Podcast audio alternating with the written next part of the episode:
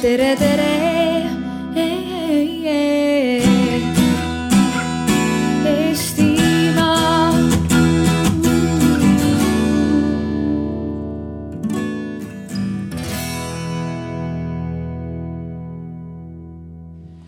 Tervist, lugupeetud publik. tere tulemast järjekordsele Arvamusfestivali sessioonile. mina olen Jaan Saar Majandus-Kommunikatsiooniministeeriumist ja ametilt siis digitaalehituse valdkonna juht. aga teemaks on siis äh, sinna tahvlile ma panin lühidalt digiehitus. aga kavasse me panime oluliselt äh, pikemalt ja keerulisemalt nagu ikka. miks öelda lihtsalt, kui saab äh, oluliselt keerulisemalt teha. ja pealkirjaks on digitaalsetest ehitistest digitaalsete linnade ja riikideni. et ähm, muidugi riikidest mitmuses meil on raske rääkida, peamiselt keskendume Eestile. Aga digitaalseid linnu on meil siin äh, mitmeid ja on tekkimas ka terve digitaalne riik, võiks öelda. aga kui äh, võib tõlgendada mitut moodi, et mis see digitaalehitus on aga selles samas kirjelduses äh, me natuke pikemalt kirjutasime ka lahti ja tõstatasime ühe küsimuse ja see küsimus oli, et kuidas paraneb meie elu, kui kogu Eesti ehitatud keskkonna andmed on ühest kohast digitaalselt kättesaadavad ja masintöödeldavad.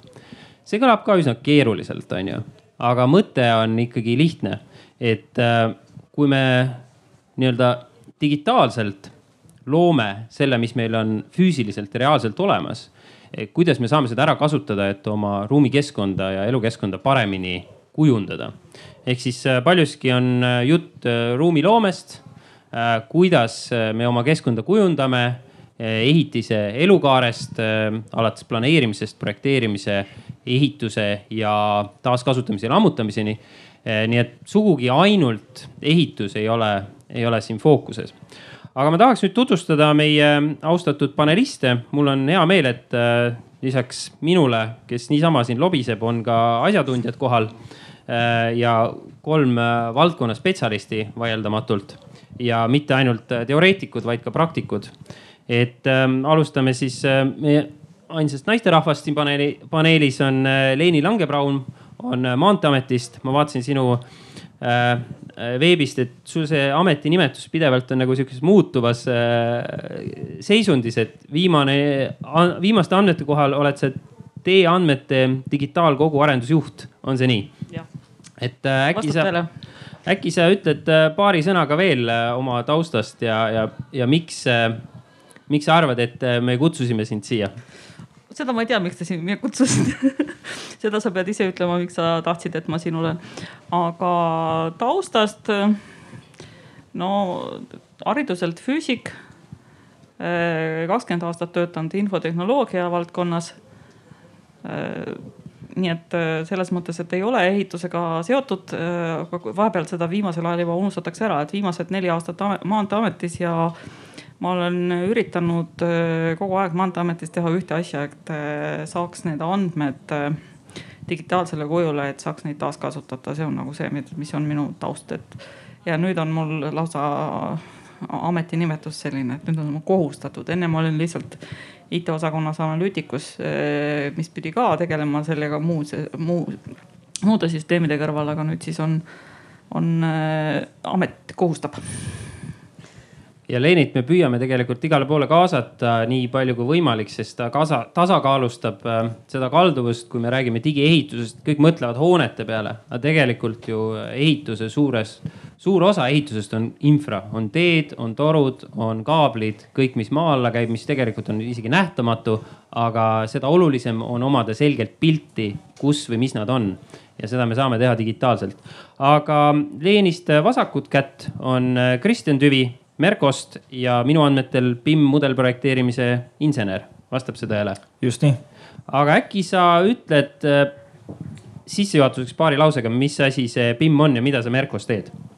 Noh, see BIM-i definitsioon, ma ei hakka seda defineerima praegu, aga, aga mida ma Merkos teen, on see, et ma põhimõtteliselt tegelen kõikide digitaalehituse teemadega seal ja, ja peamiselt just, just projekteerimise, juhtimise poolega ja tegelen seda siis, siis oleme teinud juba Merkos mudel, mudelprojekte nüüd juba viimased kaks-kolm aastat ja püüame iga, iga projekti ähm, ka mudelprojekteerimisega juhtida ja, ja minu ülesanne on siis, siis need kõik need äh, projekteerijate mudelid ühte, äh, ühte kokku korjata ja, ja on, sellele me siis saame rohkem läbipaistvama projekti. suudame ehitusmahte täpsemini äh, arvutada ja, ja suudame planeerimisprotsessis juba, juba hulga neid potentsiaalseid probleeme, mis ehitusel tuleb, ehituse käigus tuleb, võib tulla juba ära lahendada, nii et, et ja lisaks sellele siis noh, et erinevate projektidega tegelenud on ka siis selline üldine mina ja siis ühe kolleegiga üldine selline digiehituse ja, ja digitaalsete lahenduste äh, käsilevõtmine või, või siis kaasamine siis kogu Merko ehitusprotsessidesse. ja nendele, kes ei tea, siis BIM on Building Information Modeling ähm, või management või mis iganes, aga eesti keeli lihtsustatult on ta ehitise infomudel ja see on siis mitte ainult nii-öelda see on ka geomeetriline mudel, sihuke 3D mudel, aga sisaldab ka mis veelgi olulisem, äh, andmeid ja infot äh, selle ehitise kohta. ja siis seda saab kasutada läbi elukaare, alates äh, nii-öelda esimestest ideedest, sketšidest luuakse mudel ja seda täiendatakse kogu aeg infoga, et see on äh, sihukestes äh, suuremates äh, ettevõtetes ja, ja innovaatilistemas nagu Merko on see juba igapäevane, on see nii, Kristjan? just nii jah, et me ikka püüame seda joont, joont jälgida ja nõuame oma rakenduskava jälgimist siis projekteerijatelt ja kolmas äh, last but not least, nagu öeldakse, on äh, minu vasakul käel on Kaido Hanikat äh, ettevõttest Convisio ja ehitustellija konsultant, on see õige? äkki sa seletad natuke lahti, mis, mis sinu roll ehitise elukaares on? ehitise elukaares, minu roll on tegelikult vist selles ehitusvaldkonnas üks pikemaid, et me tegelikult äh, alustame kõige alguses ja lõpetame kõige lõpus. Äh, käime läbi juba projekteerijatega lepingu sõlmimised, projekteerimised, äh, ehitamised ja seesama hmm, tehnoloogia, äh, mida siis võib ka PIM-iks nimetada, see tegelikult efekti annab siis, kui ta käibki kogu läbi selle, selle elukaare. ja me nagu seda tehnoloogiat oleme toetanud, et ma küll ei saa öelda, et ma olen pühendunud ainult äh, äh nii-öelda BIM-ile ja nendele tehnoloogiatele elukutseliselt, pigem, pigem on see olnud hobi äh,, mis sai tegelikult küll alguse kuskil üheksakümnendate keskel, kui ma, kui ma Tehnikaülikoolis tollal veel TPI-s, vist oli Tehnikaülikool juba jah äh, lõpetasin ehitusteaduskonnas sellise töö, mis, äh, mida komisjon nagu lihtsalt Äh, vaikides, ütleme vaikides vastu võttis, sest see oli päris palju seotud infotehnoloogiaga, mis nagu tol hetkel oli just tulemas ja, ja siis äh, noh, mis täna on tegelikult igapäevane. ja äh, ütleme niimoodi, et mis ma ise näen, on, on kasvõi see, et kui, kui on ehituse tellija, kellel aeg, kes, kes ei jõua mingeid jooniseid, asju lapata ja kelle mõni lihtsalt elabki lennukis ainult, sõidab mööda maailma ringi Äh, siis lihtne näide on see, et selle asemel, et vaadata läbi kümme või kakskümmend joonist, äh, piisab kirjutada minut või kaks äh, mudelit ekraani peal ja, ja on selge, mida tehakse ja kui kaugel ollakse, et. et selliste, selliseid tegevusi me nii-öelda üritame siis juurutada, et. ma saan aru, Kaido, et sa oled omal ajal ka ise tarkvara loomisel natuke käe külge pannud, vastab see tõele? jah, et Äh, see on jah, nüüd meenutasid mulle, see oli ka ikkagi, äh, ikkagi eelmisel sajandil. ja ütleme, tol ajal oli siis nii, et, et oli kaasatud üks, äh, üks IT-firma, kes küll lõpuks sõitsid ära kuskile Ameerikasse mingeid mänge tegema. aga tollest ajast ma sain aru või leidis kinnitust, et et erinevalt sellest nii-öelda minu diplomitööst, mis jäi selle taha, et polnud veel internetti kasutada paljuski ja, ja muud asjad ka rääkimata nagu ei toiminud, siis, äh, siis sellest ma nagu sain selguse, et äh, lihtsalt umbes niimoodi, et, et fantaasia on see piir, mille, mida infotehnoloogiad nagu teha suudavad, et, et see on päris, suudetakse ikka väga võimsaid asju teha. et iseasi, kas see siis, kui palju see maksab, eks ole, et ja palju aega võtab nii äh,, panelistid äh, on tutvustatud äh,, väike teema sissejuhatus ka tehtud. Nüüd läheme veidi süvitsi, et ma püüan hoiduda liigselt tehnilisest nii-öelda jargonist märksõnadest. kui ma liiga tehniliseks lähen, siis andke märku, öelge, ei saa aru, jama jutt või lihtsalt puu ja me muudame, muudame tooni ja püüame olla rohkem nagu meelepärased ja ei, ei ärge, ärge, ärge, ärge, ärge minge, et küll me midagi välja mõtleme, võime vahetada ka korraks mingid muud teemad, rääkida ilmast näiteks korras.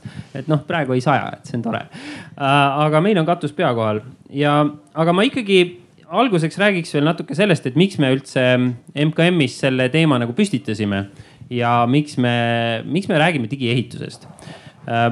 Osaliselt on see tingitud sellest, et ehitus ei ole avalikkusele väga nii-öelda huvitav või, või seksikas või põnev teema, on ju. Räägitakse küll ehituses selles võtmes, et mida ehitatakse, kuhu ehitatakse või kes ehitab. Palju on meedias ja igal pool räägitakse, et kui palju raha valatakse betooni või asfalti või raudteesse aga, aga väga vähe räägitakse sellest tegelikult, kuidas ehitatakse ja, ja nagu kedagi väga ei huvitagi, kuidas see nagu valmis saab. aga samas me kõik veedame äh, suure osa oma elust äh, hoonetes, me kasutame infrat ja teid. ja, ja noh, kui rääkida just hoonetest, siis noh, kuidas me ennast hoones tunneme äh,, milline on see sisekliima, sellel on väga palju tegemist sellest, kuidas tegelikult on ehitatud ja kui hästi on läbi mõeldud. ja kui vaadata ehitussektorit üldiselt, siis äh, nii rahvusvahelised uuringud, näiteks McKinsey omad, kui ka meie enda MKM-i tehtud äh, eelmise aasta lõpus tootlikkuse uuring äh, selgelt näitavad, et ehitussektor on üks vähem tootlik kui äh, tootlikkuse poolest üks madalamaid võrreldes kõigi teistega, et noh, kui vaadata pikka ajaperspektiivi äh,, siis äh, sisuliselt me ehitame samamoodi nagu sada aastat tagasi. Kõik teised sektorid on läbinud teatud tootlikkuse tõusu on tulnud äh, tehnoloogiline revolutsioon, on tulnud internet äh,, kõik need asjad on mõjutanud, on ju. samas vaatame nagu tööplatsil, et noh, seal on ka nagu vägevamad masinad on ju, kopad äh,, greiderid äh,, kraanad on ju, osad on puldiga juhitavad juba. aga tootlikkus, mis tähendab siis, et palju ühe töötaja kohta lisandväärtust luuakse, seda, see ei ole muutunud ikka ehitatakse samamoodi, et kui vaadata, kuidas Empire State Building ehitati, siis seda ehitati kiiremini isegi kui Kumu näiteks okei okay,, hooned on läinud keerulisemaks. Äh, see on tõsi ja see on jällegi üks asi, mis äh, nõuab rohkem läbimõtlemist ja, ja nii-öelda läbimängimist. ja siin tulebki appi meile, meile tehnoloogia äh, ja digitaalsus sest digitaalsete nende ehitise infomudelitega me saame paremini läbi mõelda, me saame simuleerida, me saame ennetada paljusid probleeme ja me saame optimeerida, et oleks nii kulu mõttes parem kui ka kvaliteedid parem mis tähendab seda, et on mugavam elada äh,, hingata, sul ei ole liiga palav, liiga külm hoones ja, ja noh, ütleme, et võib-olla maanteed ka ei, ei kulu nii kiiresti ära, kui nad meil siin kipuvad kuluma. kuigi see on väga sihuke äh, natuke provotseeriv äh, väljend aga jah, MKM-is siis äh, jällegi tulles tagasi, et miks me täna siin oleme, me tahame, et see ehituse ja ehituse digitaliseerimine muutuks äh, olulisemaks või muutuks nii-öelda äh, tavainimesele ka arusaadavamaks, sest see on meie fookus äh, MKM-is. meie eesmärk on äh, tõsta Eesti ehitussektori tootlikkust kolm korda aastaks kaks tuhat kolmkümmend ja peamine vahend selleks ongi siis digitaliseerimine. siin on muid asju ka loomulikult. Äh, me ei räägi ainult digist, siin telgi all piirdume digiga, aga aga selle tootlikkuse jah, selle peamiseks eh, nii-öelda driver'iks või mootoriks, kuidas seda tõsta, ongi siis digitaliseerimine. ja ma nüüd annaks jällegi sõna eh, meie panelistidele, kuna ma ilmselt olen liiga kaua juba äh, lobisenud äh,. ja küsiks, mida tähendab äh, digiehitus, me natuke juba rääkisime sellest, aga mida see äh, digiehitus äh, nagu teie jaoks äh, esile, esile kutsub ja ma küsiks e eeskätt Leeni käest, kuna talle ma tean, see digiehituse teema natuke, see sõna ei, ei ole kõige meeldivam.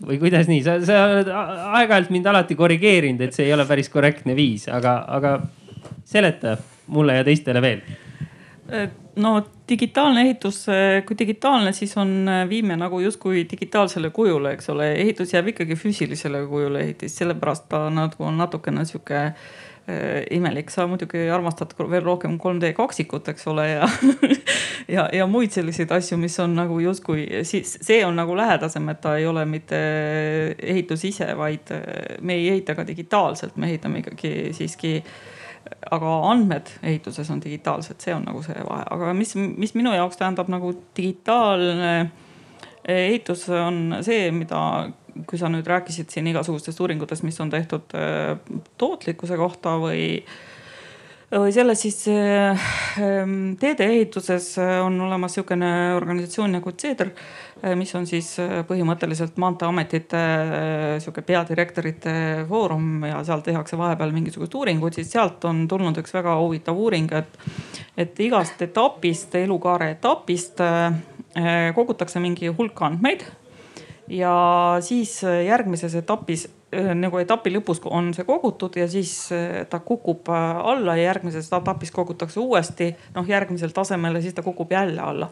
No vot see, mille vastu ma nagu tahaksin võidelda või mis oleks nagu see digitaalne ehitus, siis nagu minu jaoks on see, et see joon läheks sujuvalt, et need ei jookseks, ei oleks neid sakke seal vahel ja ei oleks seda informatsiooni kadu, mis olekski see tootlikkuse äh, nii-öelda päästerõngas, sellepärast et kui me hakkame uuesti koguma neid andmeid, läheme uuesti mõõtma, uuesti, ma ei tea, puurima või tegema mingisuguseid analüüse ja ei saa kasutada mingisuguseid olemasolevaid andmeid, mis on tehtud juba varem selle koha pealt või, või on kuskil olemas, siis see on nagu see, mis annaks nagu tohutu tegelikult äh, arengu sellele asjale. Ehk siis jutt käib äh, peamiselt andmetest ja nende taaskasutamisest ja, ja Leeni tõi väga õige äh, tähelepaneku, et äh, ehitise elukaarest, et tihtipeale me näemegi seda, et projekteerijad panevad väga palju vaeva, väga palju äh, informatsiooni äh, oma töösse sisse, et teha lahe projekt aga siis mingi osa läheb sellest kaduma, ehitaja tõlgendab seda teistmoodi, teeb ümber ja lõpuks, kui haldaja jõuab, siis tema vaatab, noh mis siin üldse tehtud on ja siis hakkab maja peal ringi käima ja vaatab, äh, kirjutab üles, mis on tehtud, kuigi see info võiks tegelikult kõik olemas olla juba algusest peale. aga Kristjan, äh, kuidas äh, ehitaja vaade sellele on? jah, võib-olla Leeni kommentaare siis veel lisades, täiendades on see, et võib-olla räägime pigem jah, siis nagu digitaalsest ehituse planeerimisest või kui siis kui digitaalsest ehitamisest, sest jah, point on õige, et meie ju ehitame ikkagi füüsiliselt, aga üldiselt see, see digitaalne ehitus, no mina ütleksin nii, et mina olen vist sellest generatsioonist, kes, kes muud moodi ei oskagi ehitada, kui lihtsalt äh, tänu, tänu 3D mudelite abil, eks ju. Äh, see arusaamine on, on sellest ikkagi palju parem ja kui, kui me suudame ikkagi kõik projekti osad tuua ühte koondmudelisse kokku, nii nagu on ka päriselt reaalne ehitis, eks ju, siis me tagame selle, et eri projekti osade vahel on, on hulga vähem ebakõlasid. me suudame tellijale väga selgelt ära näidata, et, et kuidas, mida ta täpsemalt saab. tema saab meile edastada probleeme äh, või potentsiaalseid probleeme ja enda ideid palju paremini. juba väga varases staadiumis, kui ta näeb, et midagi on nagu noh, äh, ei ole, ei ole nagu päris nii, nagu tema on arhitektile ja projekteerijatele seletanud. ning samuti me saame siis ka noh, nagu ma juba ütlesin, projekteerijate, projekteerijate noh vigadele hulga varasemas staadiumis ligi selle jaoks, et, et me siis eh, ei peaks neid eh, hilisemas staadiumis juba ära lõhkuma ja uuesti tegema, mis on siis noh, igatipidi nii, nii nii meie CO2 emissioonidele kui ka, kui ka tegelikult siis ajagraafikutele ja, ja rahale väga-väga äh, halb. Äh, aga, aga üldiselt jah, et, et see, mina näen lisaks sellele, et noh, see tegelikult see tehnoloogia, mis meil tänapäeval olemas on ja mida me tegelikult võib-olla täiesti veel ära ei kasuta, tähendab seda, et me suudame palju asju, hulga äh, rohkem asju teha ära efektiivsemalt ja me ei pea kulutama paberile ja pliiatsile nii palju aega. et, et see, see digitaalne pool peaks meil seda tootlikkust just väga palju tänu sellele tõstma, et me lihtsalt asju teeme efektiivsemalt, kiiremini ja, ja, ja meie protsessid tegelikult peavad ka tänu sellele muutuma ehk siis, et me avastame vigu varem, suudame neid vältida, hoiame kokku aega ja raha selle, selle kaudu. jah, just. see on, see on kuldsed sõnad selles mõttes, et ehituses on iga vea parandamine, mida ajas edasi, seda kallimaks ta läheb. see on sihuke äh,, ma ei tea, kas ta on päris eksponentsiaalne kõver, aga ütleme nii, et eri, päris projekteerimise, planeerimise algfaasides, see ei maksa sul praktiliselt midagi teha suuri muudatusi hoone kujus, hoone energiatõhususes. See on paar hiireklikki, on ju aga ütleme, kui sul on maja valmis ja sa mõtled, et oi, et nüüd oleks vaja ikka natuke seda rohkem jahutada Äh, siis, siis sa pead hakkama mõtlema, et ma pean panema mingeid jahutusseadmeid, äh, projekteerima, see võtab energiat. ja ta ikka ei anna päris seda head tulemust, kui lihtsalt oleks võib-olla aknad natuke teistmoodi alguses paigutanud. et äh, noh, see on sihuke üks, üks näide. Aga, aga Kaido, sina suhtled väga palju just tellijatega ja oled nende jaoks nii-öelda see tark mees taskus. kuidas sa seletaksid tellijale, miks on digitaalset lähenemist vaja? noh, ennist ma siin tõin sihukese näitega, mis oligi tegelikult elust enesest võetud, kus siis meie, meie kliendil oli siis tehas, äh, mida pidi ehitama Eestis, samas ta juhtis jooksvat tehast Eestis, juhtis jooksvat tehast Saksamaal ja ta tõesti elas nagu lennukis. suutsime talle tõesti päris noh, ja, ja nad ise samamoodi, et kuna nad olid insenerid, siis mudeli saamine, keerutamine. et ma kujutan ette, et oleks olnud kõik need DVG failid, mis iganes, see oleks nad nagu hulluks ajanud aga kui nüüd selle digitaalehituse juurde nagu tulla, siis samamoodi pean ütlema, et see, see digital twins termin algul pani kukalt sügama.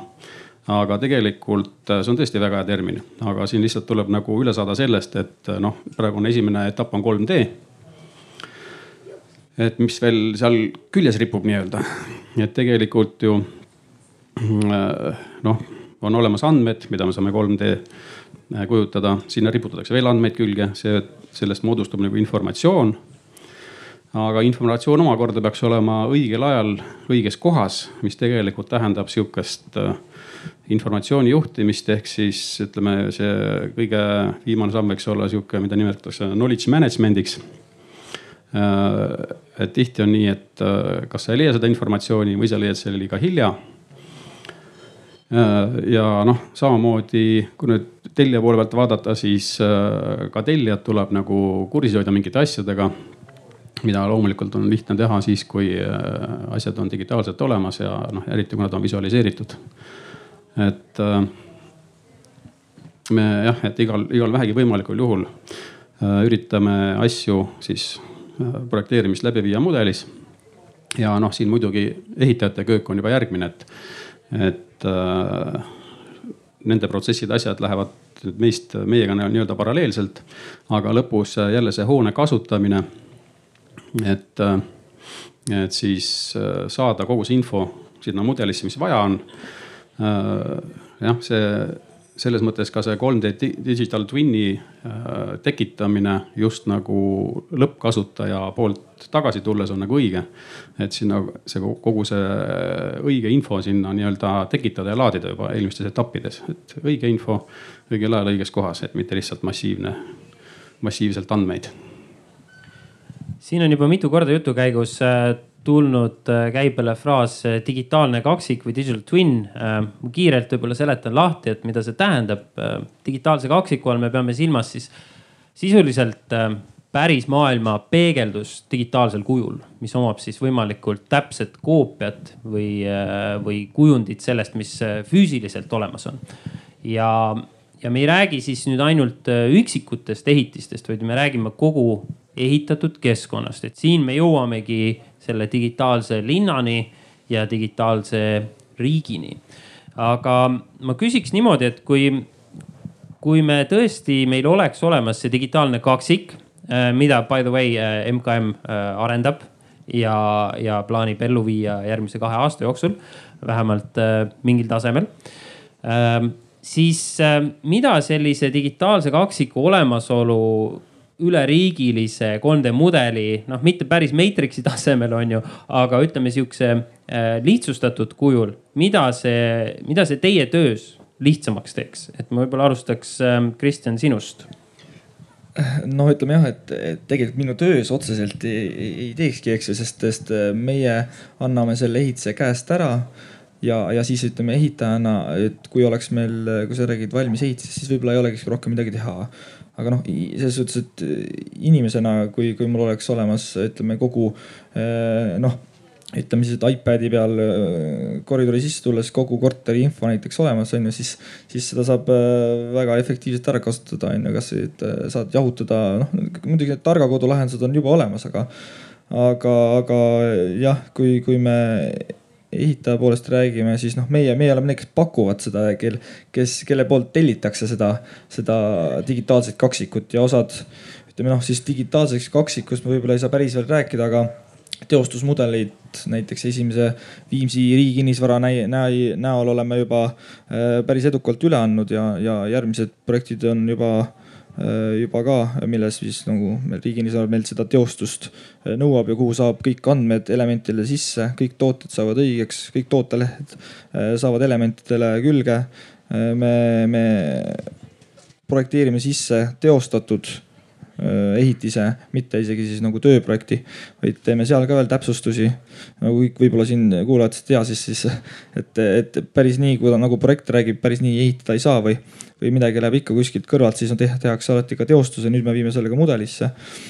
ja Viimsi ringi kinnisvara näol sai see üsna edukalt tehtud ja, ja jah, ja umbes samamoodi me lähme ka edasi aga Leeni, kuidas on lood äh, teedega, kui oleks kogu Eesti digitaalne maastik, digitaalsed hooned, äh, noh, okei okay,, ma kasutan jälle sõna digitaalsed, ütleme hooned digitaliseeritud ja 3D kujul kogu pilt olemas Äh, ma toon näite siin üleeile päeval oli just arutelu sellel teemal, et kus, kus, kus seda vaja oleks. et äh, me suhtleme omavalitsustega, näiteks vallaga ja, ja siis oli, meie inimene pidi minema valda ja rääkima, millised äh, Äh, projektid meil sinna valda on teedele tulemas. ja siis just oli see, et kust ta nüüd need andmed nagu kokku kraavib nüüd selles mõttes, et kus kohal need, lõpuks ta peab siis hakkama teenumbrite järgi kuskilt vaatama neid projekte ja siis ta läheb sinna ja näitab ja see on jällegi niimoodi, et aga kui tal oleks äh, koos kogu see asi, et on näha ja seal on peal ka see, mis on tulemas mingisugused ja siit on näha, et keegi tahab seal Äh, muud äh, taristuvõrku või liini vahetada või, või teha veel midagi muud, et siis on võimalik need tööd kuidagi kaasajast-, äh, kokku viia ja kaasajastada niimoodi, et mitte ei tehta, üks aasta lõhutakse, järgmine aasta ehitatakse ja, ja siis tuleb jälle otsast peale, sellepärast et keegi teine tahab seal midagi vaadata või muuta. ehk siis see planeerimise faas.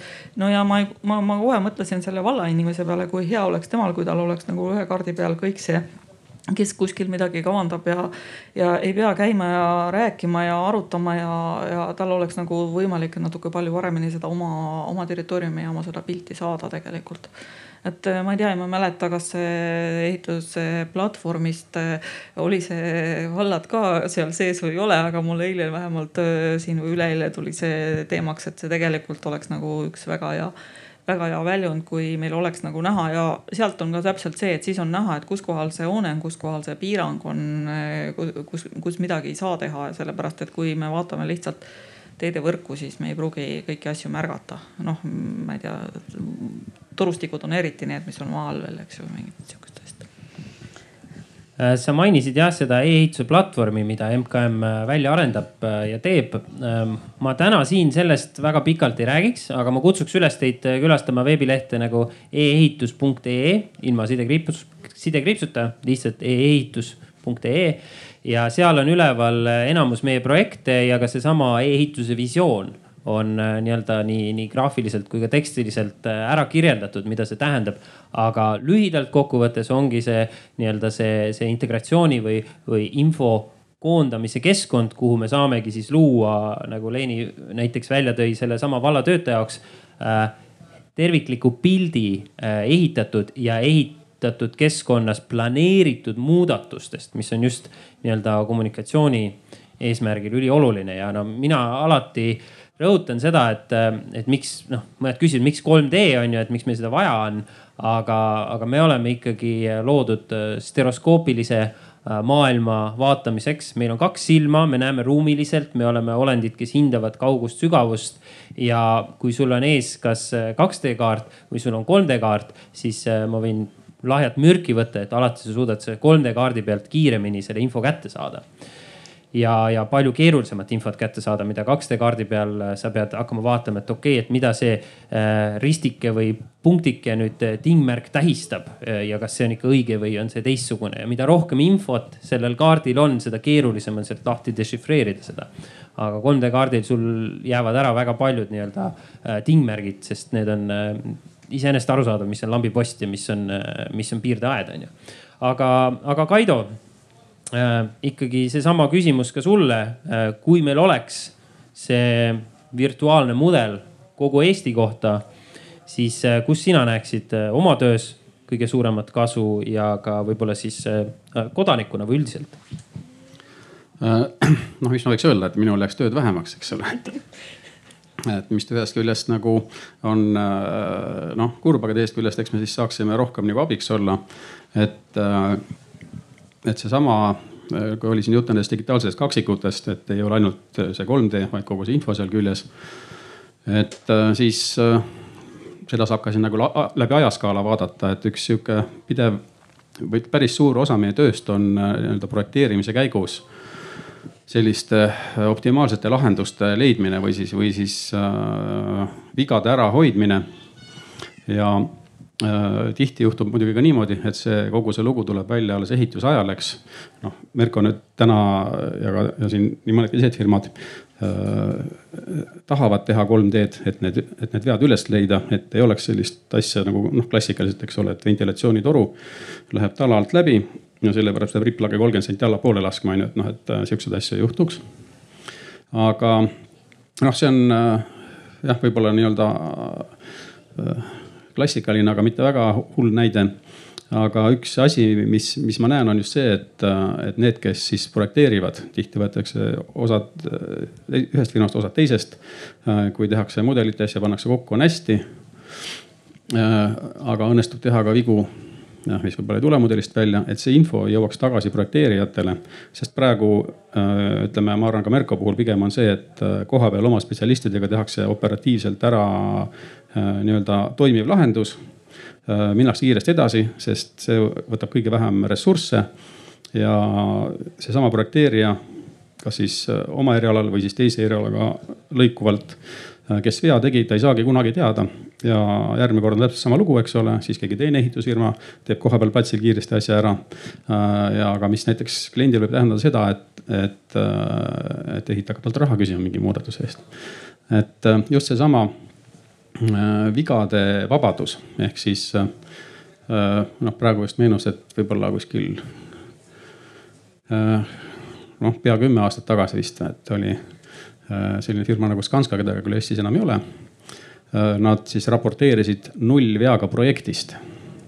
et äh, noh, mis mina näen, et, et oleks üks seesama, et, et see tagasiside kogu aeg töötab ja projekteerija saab minna ja vaadata lõpuks või talle hüppab nii-öelda punasesse tema, tema projektis muudetud asjad. et see tõstab nagu projekteerimise kvaliteeti, mis tõstab ka ehituse efektiivsust ja, ja säästab raha. et ütleme niimoodi, et äh, jamade vältimine on minu arust üks põhilisemaid asju, mis sealt tuleb. ja ütleme, et noh, kaudselt äh, maksab ikkagi, ikkagi tellija seda päris palju kinni.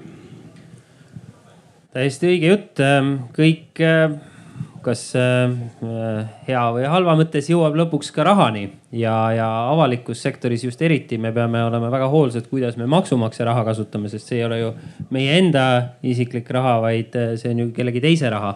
me peame olema selle kasutamisel võimalikult efektiivsed ja, ja see on ka põhjus, miks me seda tootlikkust üritame tõsta ja, ja ka neid äh, digitaalseid lahendusi välja arendame just, just MKM-i ja riigi poolt. sest kui vaadata seda ehitise elukaart, meil on, on ju äh, projekteerijad, igal valdkonnal on veel oma eraldi projekteerijad, meil on ehitajad, kellel on omad alltöövõtjad ja siis lõpuks on ka haldajad või kinnisvara hooldajad, on ju. see on nii palju tegijaid on ühe nii-öelda ehitise valmimisel et äh, kes kõik selle info kokku viiks, aga samas riik või, või, või kohalik omavalitsus on see, kes äh, on alati seotud selles protsessis läbi kooskõlastuste, läbi lubade.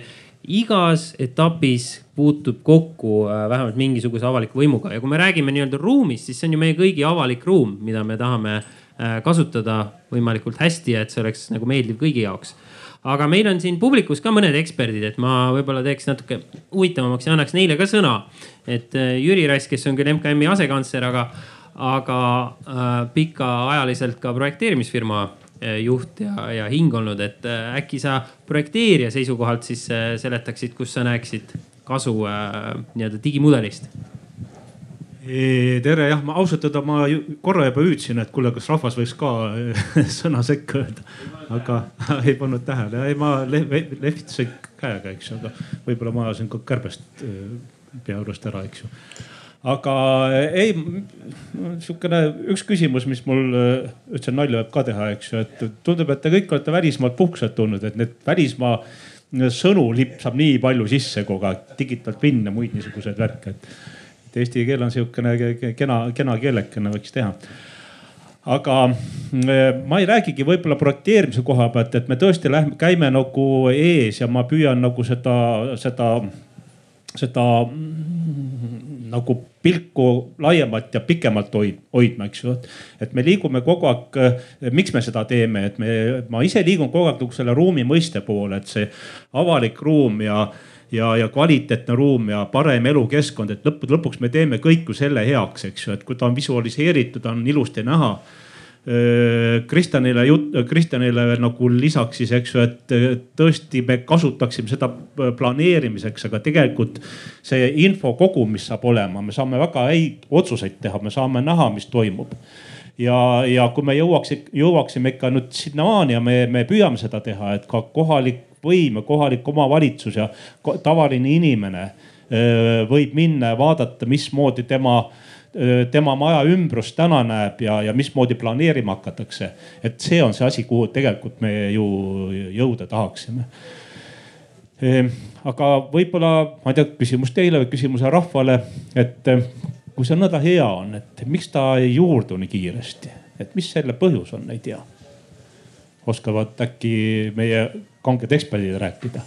noh, eks vanad harjumused oli ikka raske kaduma ja eks inimeste kunagi mingisugune selline ütlus on, et kunagi inimesed ei võitle rohkem millegi vastu, kui et püütakse nende eh, elunormi muuta ehk siis, et, et, et seal see, seal see probleem on, on ju kõik, eks noorem generatsioon, ütleme minu generatsioon, ma julgen öelda, et on väga vastuvõtlik sellele.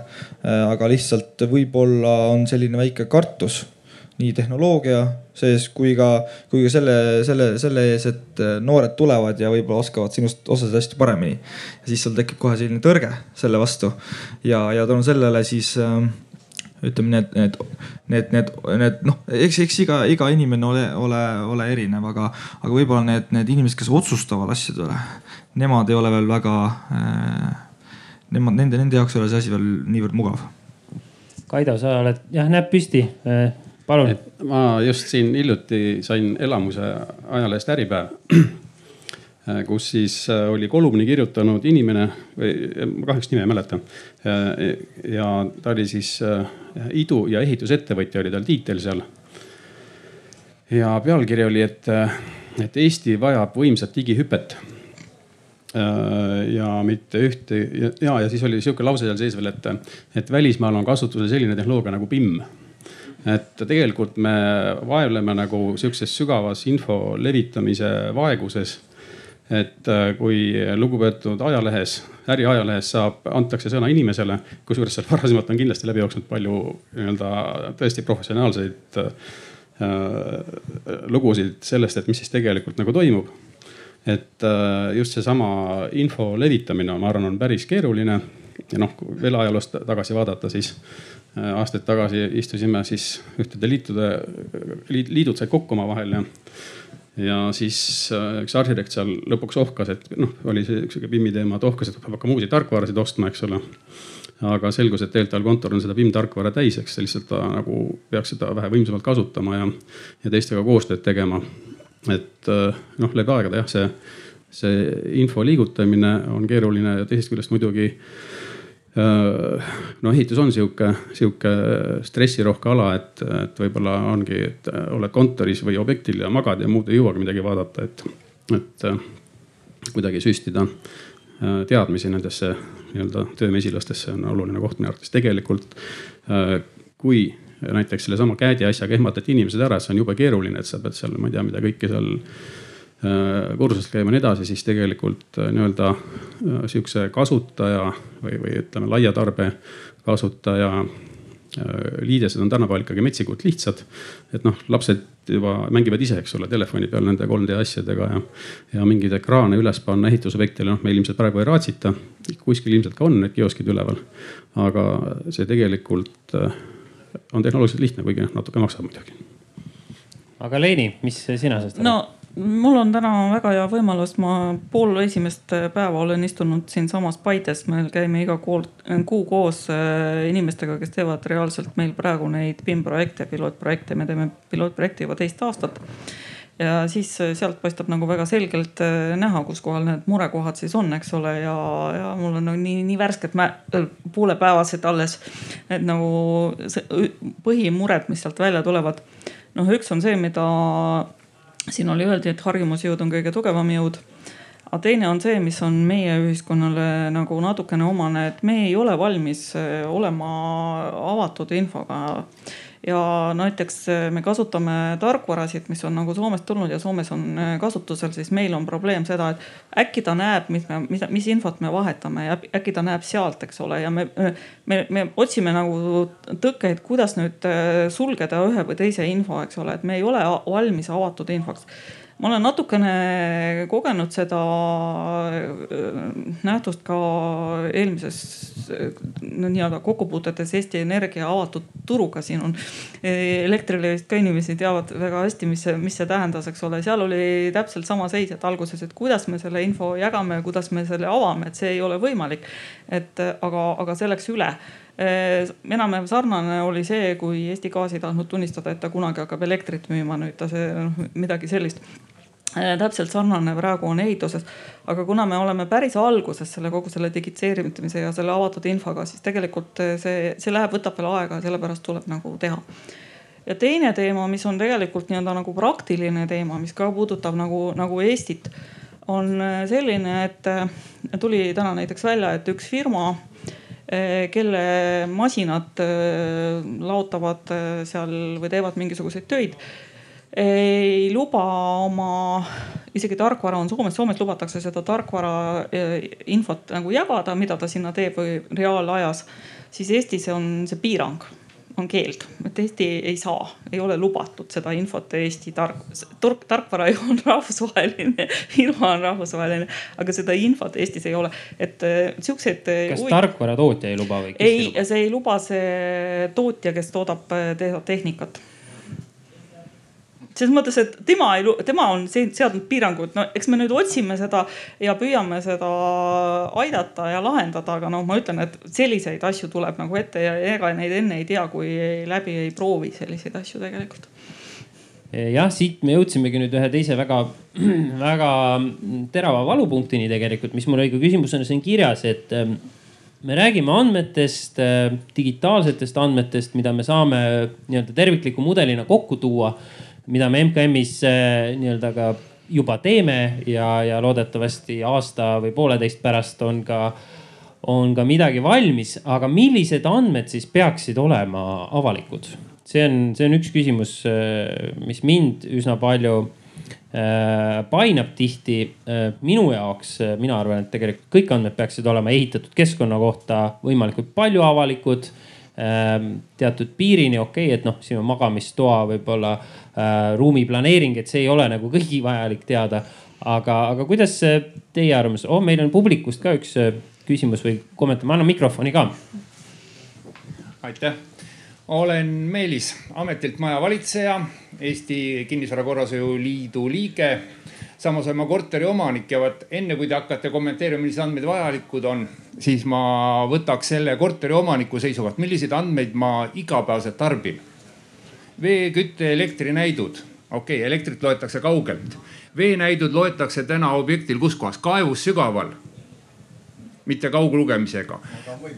no on, aga seda ei tehta, Tallinn paneb selle kuhugi sinna auku. niimoodi küttega saab kaugelt lugeda MKM äh, tõenäoliselt teab sellist firmat nagu Reminet, kes üritas meie tellimusel panna kokku, et me korjaksime maja pealt näidud kokku. küttefirmad ei anna oma andmete nii-öelda seda koodi välja. ei ole võimalik lugeda kõrvalisel isikul jah, nagu oli juttu siin, infot maja kohta. kurb, maja valitsejana ma käin täna toast tuppa ja korjan näite kokku. soomlased ei korja külmavee mõõtjate näite kokku, see on loomatöö, see maksab nii palju, et sellel on mõttetu. me oleme tulnud sotsialismist, ma enne tarbin ja siis võib-olla maksan ja panen endale seitse veemõõtjat korterisse, vanades majades on vahel ka viis-kuus veemõõtjat ühes korteris. Nende näitude töötlemine palju maksab mõttetu mõnes mõttes. nii et ma arvan, et kogu see kinnisvara korrashoiu ideoloogia tuleks ümber teha. siin võib-olla ma natukene jah, jälle nagu ma hoiatasin, et ma intrigeerin ja halvustan. projekteerib paar firmat pool aastat, ehitab, ütleme noh, tosin firmat alltöövõtjatega aasta ja siis on see viiskümmend aastat ekspluatatsioonis, kus on sees sajad tarbijad ja tegelikult kogu see teie süsteem on meie jaoks nenaučne fantastika, ebareaalne ulme sest et me ei saa sealt mitte midagi kätte. kinnisvarahaldurina ma ei näe seda. nüüd, kui ma mõtlen jälle korteriomanikuna, et ma tahan teada oma korteri andmeid, siis seal on jah 3D mudel, mida ma saan AutoCAD-iga lugeda. mul on AutoCAD-i litsents puudu, võtsin viewer'i tasuta, aga sealt ma ei näe enam neid kihte kaob ära ja nii edasi, nii edasi, nii edasi, et tegelikult minu arvates tuleks asi ehitada lõpptarbijale ehk korteriomanikule, mulle. aga mina teie süsteemist täna ei saa mitte tilkagi. Aitäh, aga ma lisaks vahele seda, et ähm, ma kohe annan äh, Villerile ka sõna, aga mis puudutab tarkvarasse seda AutoCAD-i, siis tulevikus kindlasti seda vaja ei ole. ja juba praegu te võite minna ehituse teemaveebi ja seal on olemas prototüüp sellest 3D kaksikust, mida me ehitame mis jookseb igas brauseris, isegi mobiiltelefonis võite kohe vaadata. Ja sealt saab kätte info, seal ei ole vaja mingit eritarkvara ja seal ei ole ka mingit erikoolitust tegelikult selles mõttes äh, selle taha asi ei jää. küsimus on pigem nagu nendes äh, andmetes, äh, nagu siin ka Leeni tõstatas, et kas me oleme valmis nagu selleks, et need andmed on avalikud ja noh, väga õige tähelepanek, et mõned võib-olla ei taha neid andmeid anda. aga kuna meil on siin ka üks linna esindaja, äh, Viljar Meister äh, Tallinnast, äh, mis, kes on tegelenud sellesama digitaliseerimise teemaga just Tallinnas ja, ja mina ütleks, et päris kõva visionäär ja eestvedaja selles valdkonnas, et kuidas sina näed siis nii-öelda selle digitaalse linna olemust ja, ja mida see siis aitaks? miks te seda Tallinnas üritate teha? tere kõigile ja, ja, ja eelkõneleja muidugi väga täpselt et ütles seda, et tegelikult ju ehitatakse, kui me räägime hoonest, eks on ilmselt ka teed. Me ehitame tegelikult ju tarbijale. Ehk tegelikult me ei ehita seda ei projekteerijale, ei lase lihtsalt raha anda ja ehitajale sellepärast, et tal tahab ka palka saada, aga me tegelikult ehitame seda, kes seda hakkab tulevikus tarbima niikaua, kui ta ükskord elab ja maja maha lammutab, eks. jumalast õige muidugi. Tallinna linn on jah, natukene erilises seisus, me oma saja kuuekümnel ruutkilomeetril noh, meil oleks võib-olla lihtne digitaliseerida, sest me ei ole terve Eesti riik, eks ju, ja me seda 3D kaksikut oleme ka püüdnud nüüd arendada, aga minu jaoks nagu praegu hakkab see keskmine osa sellest äh, digitaliseerimisest, äh, ütleme siis ehitiste digitaliseerimisest, see keskmine osa, mis puudutab programm äh,, projekteerimist ja ehitamist, hakkab juba nagu ammendama. Võib-olla natuke naljakas mõelda, aga siin me oleme saanud jala ukse vahele ja, ja asjad edenevad. muidugi seal on pisiasju väga palju mis tuleb teha. aga nüüd see esimene osa, mis puudutab detailplaneeringuid, projekteerimistingimusi, mis oleks kõigile kättesaadavad. no võtame kasvõi siit, et kui me seda telki tahaksime siin ehitada, no ilmselt ta ei ole 3D-s tehtud, kui uksi vaadata, kui see ei ole taotluslik, aga, aga, aga põhimõtteliselt me peaksime saama selle ehituskrundi kohta kehtivad kõikvõimalikud nõuded. kõrgused, laiused, kaugused teest, me peaksime teadma, kas siit läheb mingi torutraat alt läbi. et me peaksime tegelikult, see on see eesmärk, mille poole siin nagu mu eelpool kõnelejad rääkisid, et see on tegelikult selle digitaliseerimise eesmärk, et me saaksime avalikult need andmed kätte. jah, loomulikult teatud osad jäävad teatud kihtidena, mida keegi ei luba kuskil, keegi laseb püssi kuskil metsas või laseb rakette, need jäävad nende jaoks, aga tühja sellest, see on väike osa et selline osa ja siin meil on hea meel öelda, et me tegelikult ministeeriumiga teeme päris tõsist koostööd ja meil on üht-teist ka nii praktiliselt juba näidata, kus saab käega katsuda. sellel samal äh, leheküljel, mida märgiti e-ehitus, minge ja vaadake, eks ta on veel alles aprillis, me hakkasime, aprillis jah, põhimõtteliselt sai sisse esimesed asjad kantud, aga küll jõuab. aga nüüd siis, kui me jätame selle projekteerimise ja ehitamise vahele siis tuleb haldamine, eks ju vaat seda osa, mis praegu siis eelkõneleja ütles, et selle osa peale me nagu ei ole mõelnud, kus teda hallatakse, eks ju. kus selle majaga toimetatakse, et seda, sellist, sellist asja nagu praegu veel digitaliseerimine ei ole nagu endal nagu ette võtnud. ja mis minu jaoks on hakanud murekohaks, on see, et Merko teeb projekte nendes digitaliseeritud erinevates programm, räägin BIM-ist siis, mis me hakkame seal neid Reviteid ja, ja muid Solibreid ja muid rääkima, eks ju, BIM-ist teete. no ma küsin, kuhu te need projektid panete? okei okay,, ma hakkan äh, algusest peale siin. esiteks, et, äh, et kõik, äh, kui meie ehitame ja planeerime mingisugust protsessi, mingisugust hoonet, siis kohe kindlasti me arvestame sellega, et kuidas seda lõpuks lõpptarbija kasutama hakkab, kuidas tal oleks kõige mugavam kasutama hakata seda ning äh, teine pool on see, et kui kinnisvara haldusosa peale mõtta, siis mitte ükski tellija peale Riigi Kinnisvara ei ole meilt nõudnud teostusmudeleid, millest siis me saaksime edasi kinnisvara haldusmudeleid teha. kui meilt tellitaks neid siis me haaraks juba äh, kas siis selle tellija või selle kinnisvarahaldus osapoole väga varases staadiumis endale. selle jaoks, et me saaksime nendele vastavalt siis äh, kõike, äh, kas siis, kas siis tehnoloogilist poolt ning ka siis planeerimispoolt noh kohandada. esiteks on, teema on selles, et keegi, ükski tellija peale Riigi Kinnisvara meilt seda ei nõua, me oleme täiesti valmis seda tegema. teiseks on nii, et kui me enda oma arendusi teeme, siis me ei ole näinud, et ükski kinnisvarahaldusettevõte oleks valmis võtma võtma vastu ja äh, oleks varajases staadiumis tulema juba kampa selle jaoks, et nemad saaksid äh, konkreetselt siis enda äh, sisendit anda, et kuidas nad tahaksid konkreetselt saada mingit väljundit. meie ei ole saanud mitte mingisugust indikatsiooni sellest. meie projektid, mis me teeme teostusmudelina, need lähevad kõik tellijale üle. me oleme valmis neid tegema nii palju kui vaja, aga meie probleem on selles, et tihtipeale ehituse tellija ei ole selle lõpptarbija Nad viskavad selle kohe endalt käest ära, nemad ei suuda seda ehituse teostusmudelit, mille peale tuleb loomulikult lisakulu, siis äh, müüa nii-öelda edasi lõpptarbijale niimoodi, et, et nad noh, siis, siis tundubki, et nad on lihtsalt äh, teinud tühja kulu ja see projekt jääb tol hetkel siis teostusmudel tellija kätte, aga kuna tellija ei ole valmis seda tegema, tegema sellepärast, et kinnisvarahaldusettevõtted ju siis ei ole huvitatud sellest, siis me seda tellijal ka ei tee. Ja seetõttu see projekt jääbki täpselt äh, meie kätte mudelis ja edaspidi lähevad kõik edasi kinnisvarahaldusettevõttele joonised, dokumentatsioon. tahtsingi sinna jõuda tegelikult. küsimus ei ole üldse selles, küsimus on tegelikult selles, kus me peaksime hoidma neid EHR-is võiks hoidma. me ei ole täna võimelised, me ei ole, meil ei ole seal mahtu, meil ei ole võimalust, meil ei ole seal reegleid, kuidas seda teha me tegeleme sellega ja see tuleb seal kahe aasta pärast. see on üks probleem. küsimus ei ole selles, et Tallinn telli-, me oleme tellijad ka, meil on tegelikult viis projekti PIM-is, eks ju. esimene on nendest valmis Kaja, mis eile veega ära uppus kahjuks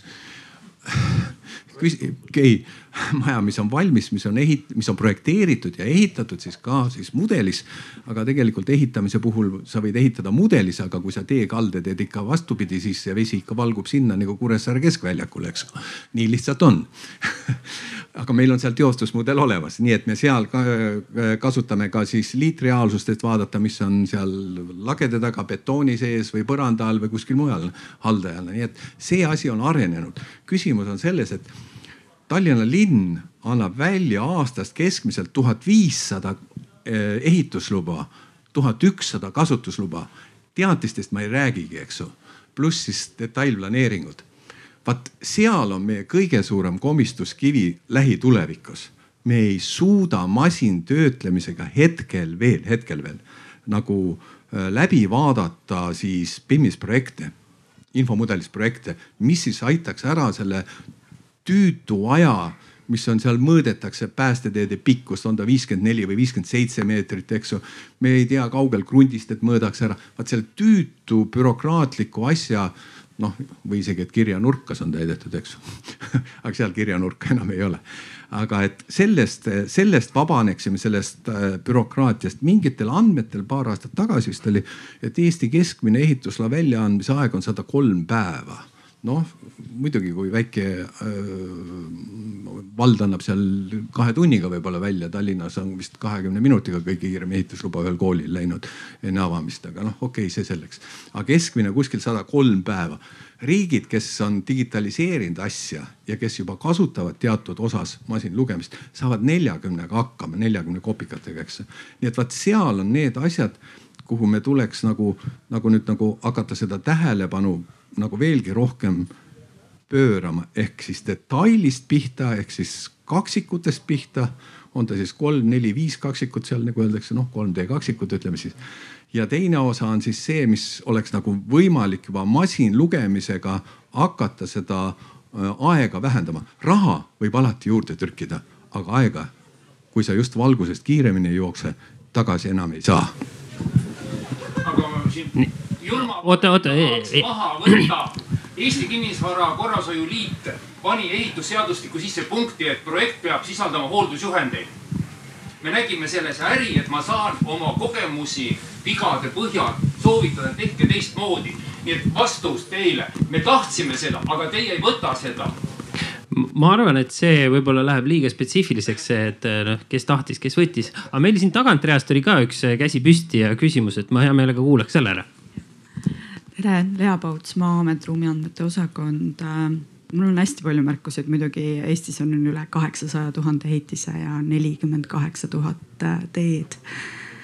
et äh, kahe aastaga ei jõua kindlasti mitte kuskile, sellesama 2D kaardiga me ei ole kuskile jõudnud, aga, aga ma tooks selle korteriomaniku juurde selle vaate, et ja sellesama päästeteedega seoses, et äh, seda BIM-i SMIT on näiteks küsinud, et kas te mõtlete sel teemal, et äh, Äh, ja sellesama andmete avamisega, et koolimajad, kui seal juhtub midagi, kuidas ma samal ajal, kui välja sõidab tuletõrje, politsei, me juba teame, kuidas me juurde pääseme, kuidas me seal sees liigume. samas pangahoone võib-olla ei taha teada, et avalikult on teada, mis materjalist, kus tal on seinad või kust on mingi šaht, kust kaudu pääseb kuhugi sularahahoidlani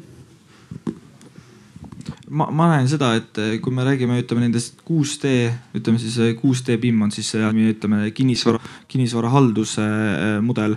et just, just täpselt sellisel teel tegelikult, kui me hakkame rääkima esimesest hoonest, mis võiks ollagi Viimsi riigigümnaasium, siis põhimõtteliselt tulevikus võikski olla täpselt niimoodi, nagu filmides näeme, et kui päästemeeskond sõidab välja, siis neil on siin iPadil avaneb see 3D mudel, sul on äh, teada täpselt, mis ruumis atsiandur käima läks, ta läheb täpselt puna, punaseks.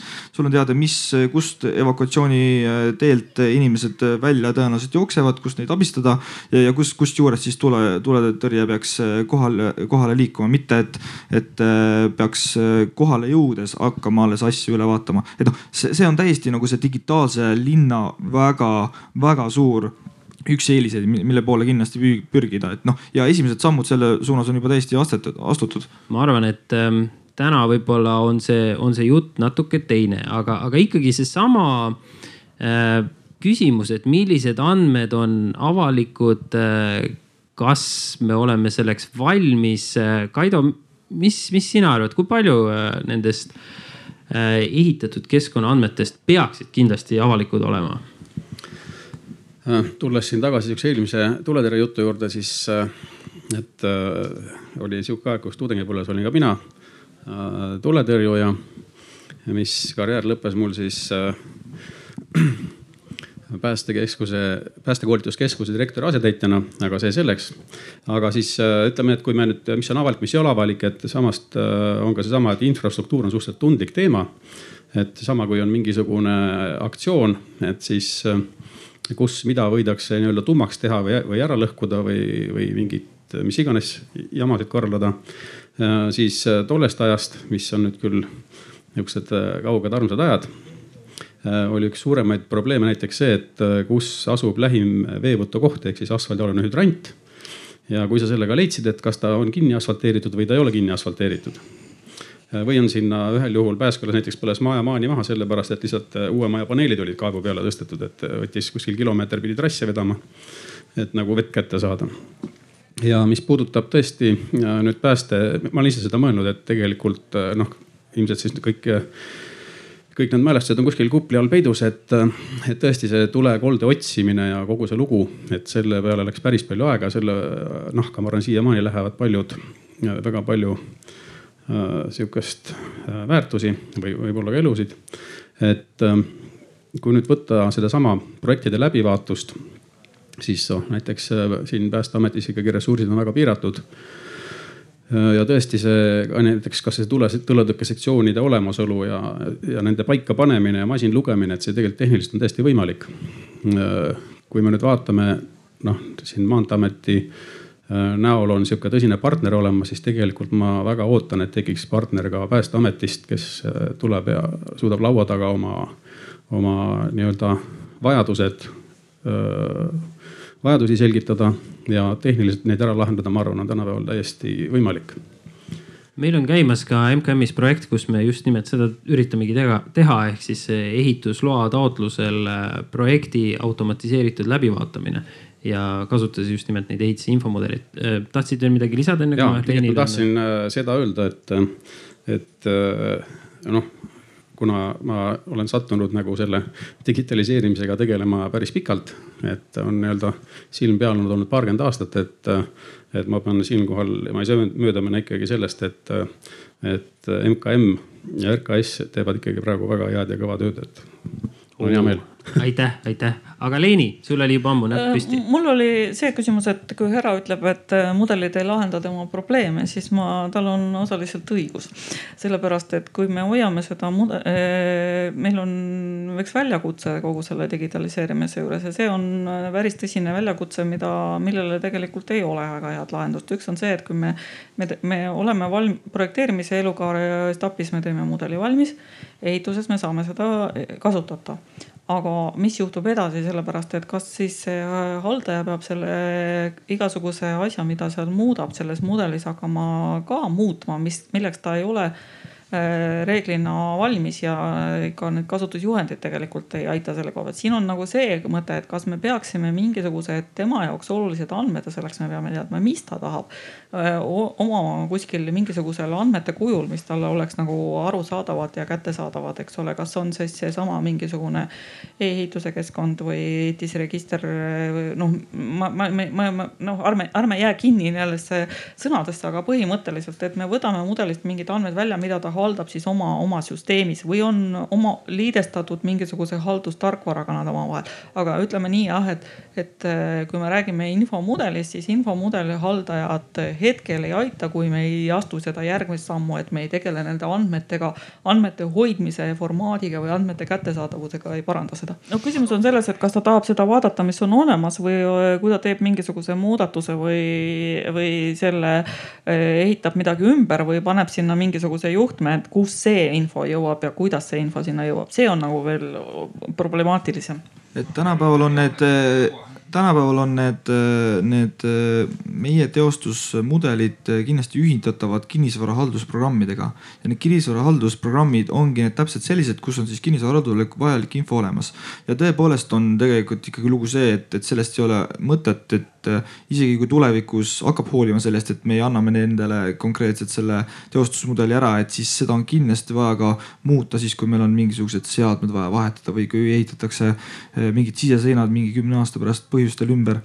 Et kindlasti ei ole mõtet seda, seda lihtsalt äh, soiku jätta, sest sellest peab inimene, inimene, kes tegeleb selle hoone äh, haldamisega, peab seda infot pidevalt uuendama ja samamoodi saab, ütleme siis ka ju sättida paika kõiki neid äh, äh, seadmete hooldusaegu ja, ja märkida sinnasamma programmi sisse, et millal on vaja välja vahetada ja kuidas palju on hooldusi tehtud. siin on veel üks oluline nüanss selles mõttes, et kes on digiajastus natuke pikemalt elanud, siis teab, kui kiiresti muutuvad formaadid, tarkvarad ja kõik muu selles mõttes, et see on nagu väga oluline moment, et hoone eluiga on ikka palju pikem kui ühe, ühe mudeli, isegi kui ta, eriti kui kõik areneb väga kiiresti ja kõik muutub väga kiiresti. seepärast on siin nagu oluline moment mõelda, kuidas seda see, selle peale me ka mõtleme ise ka äh, peaaegu igapäevaselt. Äh, õnneks on meil avatud formaadid, millele me tugineme ja millele me näeme, et äh, on tegelikult ainus viis. et kui just nimelt siin toodi välja näitena AutoCAD, see on eraettevõtte tarkvara, see on eraettevõtte formaat. kui sa proovid ühte AutoCAD-i joonist näiteks avada, mis tehti viis aastat tagasi, okei okay,, joonisega võib-olla saab hakkama, aga 3D mudeliga sa enam ei saa viimase tarkvaraga. see näide oli näiteks Oslost, äh, kes on väga pikka aega juba kasutanud äh, ehitise infomudeleid, nõudnud neid, nad ehitasid oma ooperimaja, kas see oli kaks tuhat kaksteist äh, aastal. ja nad üritasid seda mudelit avada kaks tuhat kaheksateist Eh, ja vot kaks tuhat kaksteist Reviti mudelit nad ei saanud kaks tuhat kaheksateist versiooniga lahti enam. ja siis nad pidid eh, tarkvara tootjaga ühendust võtma, et saada lõpuks endale õige versioon, millega nad said nii-öelda üle tuua selle vana formaadi. Ja, ja see oli sihuke valus õppetund, et, et avatud formaadid on see, millele tuleks panustada ja mille põhjal süsteemi üles ehitada. ja seda me ka MKM-is teeme ja selle e-ehituse platvormi mõte ongi läbi avatud formaatide teha see info kättesaadavaks ja võimalik, et seda saaks täiendada. meil on ehitisregister, äh, mis meie õnneks on üleriigiline üks register, kuhu me saame kõikide hoonete andmed äh, sisse panna ja ka rajatiste omad äh, mingil määral ühildades teie registriga mõistagi aga, aga mõte on selles, et selle kaudu, selle platvormi kaudu oleks võimalik seda infot kätte saada ja ka täiendada. ja kui rääkida just nendest avalikkuse ja mitteavalike andmete poole pealt, siis äh, meil on plaanis sinna äh, kindlasti lisada ka autentimise kiht ehk siis, mis võimaldab sul tuvastada isiku. selleks on meil olemas juba e-riigi infras kõik vajalikud komponendid.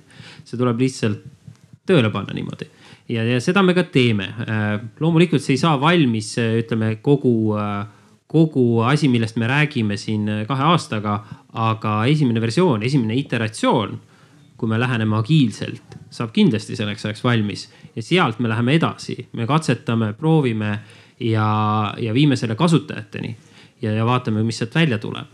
aga, aga kui rääkida nüüd nendest kasutajatest, siis ma võib-olla mm, suunaks nüüd küsimused selles, selles osas, et et natuke siin jutust tuli, kumas läbi ka, et noh, et kas kasutajad on selleks valmis. kas meil on piisavalt äh, inimesi, kes oskavad kasutada infomudeleid äh,. ja noh, võib-olla isegi asi ei ole nii väga oskuses äh,. Selles mõttes, et need tööriistad muutuvad aina lihtsamaks ja lihtsamaks, sul ei ole vaja eritarkvara, sul ei olegi isegi vaja erikoolitust, et äh, vaadata 3D pilti. aga aga mis nagu takistab, mulle ikkagi tundub, et inimesed on üsna kinnised või kardavad seda, et äh, kuidas teie kogemus on olnud?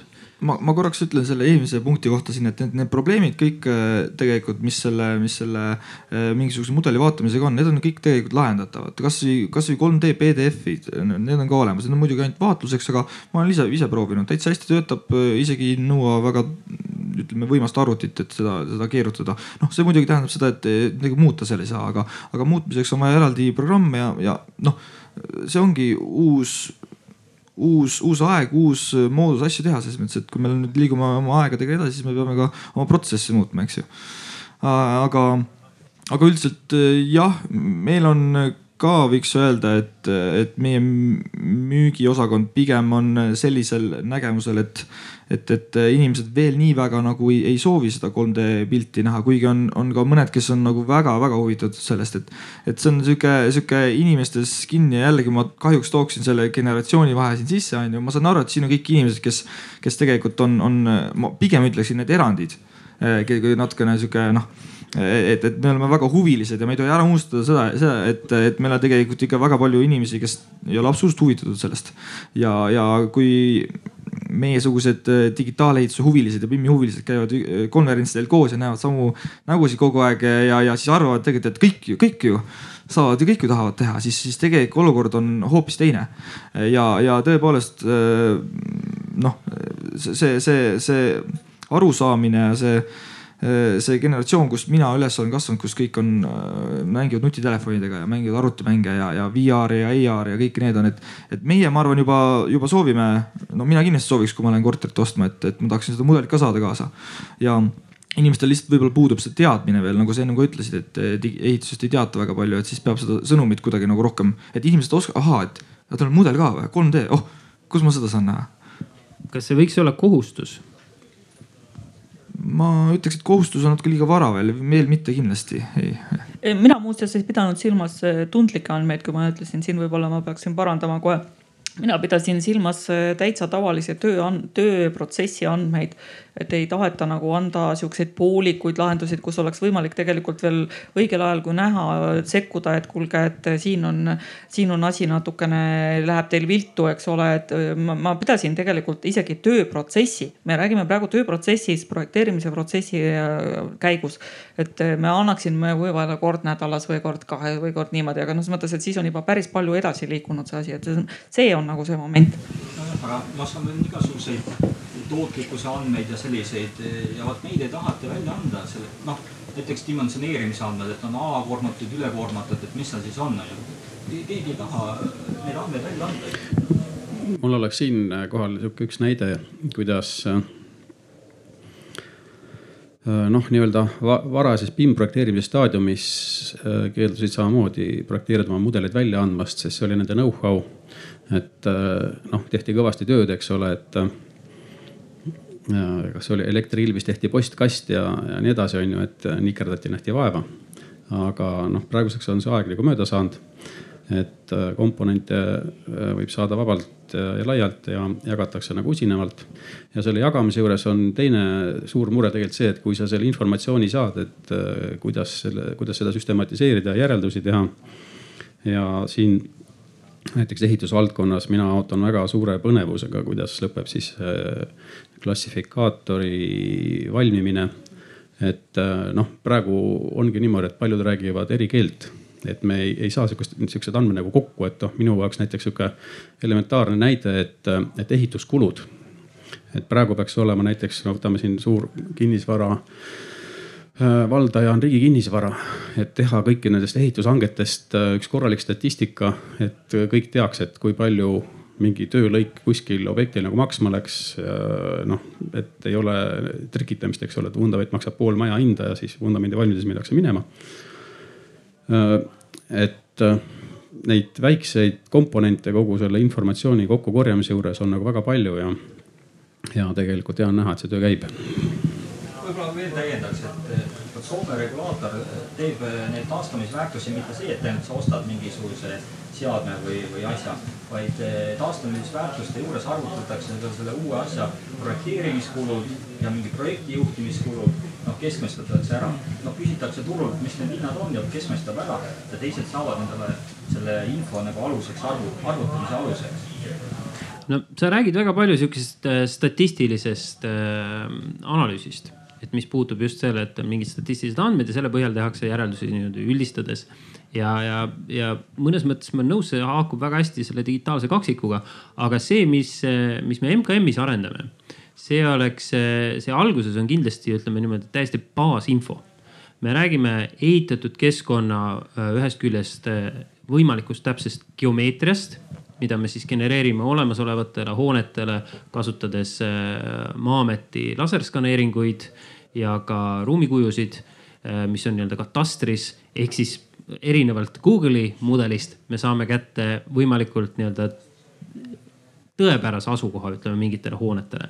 ja, ja, ja seda me katsetasime, tegime selle läbi 3D kaksiku prototüübis ja me tegime ka arvutused, et mis kogu riigi peale sellise asja tegemine maksaks. ja see ei ole ulmeline, see on äh, circa kolmsada tuhat eurot. ja, ja proovime ära ja, ja me tahame teha, äh, me alustame baasandmetest, see, mis on juba EHR-is olemas näiteks, mis on Maa-ametis olemas ja kui sa räägid siin nagu sihukestest äh, spetsiifilisemates kasutusjuhtudes, kus on juba tootlikkuse info või mingisugused spetsiifilised energianäitajad. noh, kas ja millal me nendeni jõuame, on eraldi küsimus, aga me loome vähemalt eeldused, et need, kellel on need andmed, nad saavad võtta nii-öelda selle baasinfo selle digikaksiku, mis, mida riik annab ja sellega integreerida oma andmebaasid, oma, oma teenused, oma rakendused. mitte, et ta ei peaks hakkama seda uuesti looma ja, ja niimoodi äh, me vaatame ähm, nii-öelda orgaaniliselt, kuidas see asi kujuneb, kus me näeme kõige tugevamat vajadust sihukeste kasutusjuhtude järgi äh, ja kust see väärtus tuleb aga, aga praegusel hetkel meil ju puudub sihuke terviklik isegi, isegi baasinfo ja, ja, ja me ei tea, kui korras see info üldse on. aga, aga läbi selle digitaalkaksiku loomise me hakkame pilti looma, me hakkame aru saama sellest ja sinna peale me hakkame ehitama äh, täiendavaid teenuseid, alustades äh, ehitisregistri teenustest, ehitusluba, kasutusluba äh,, maa-ameti teenused äh,, maanteeameti teenused äh, ja, ja nii edasi. Ja noh, sealt edasi ka mõned erapartnerid, Elektrilevi on väga äh, sõbralikult meiega suhelnud sellel teemal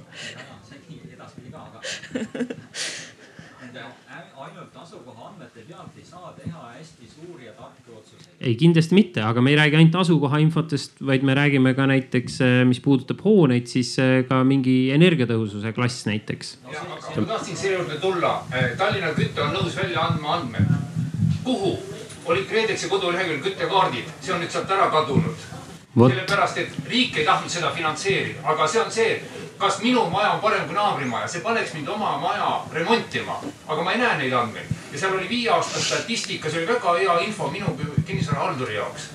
aga seda ei ole, sellepärast et keegi ei maksa seda väikest teenust kinni, et need andmed pannakse sinna kaardi peale Mik,. miks MKM ei taha seda teha?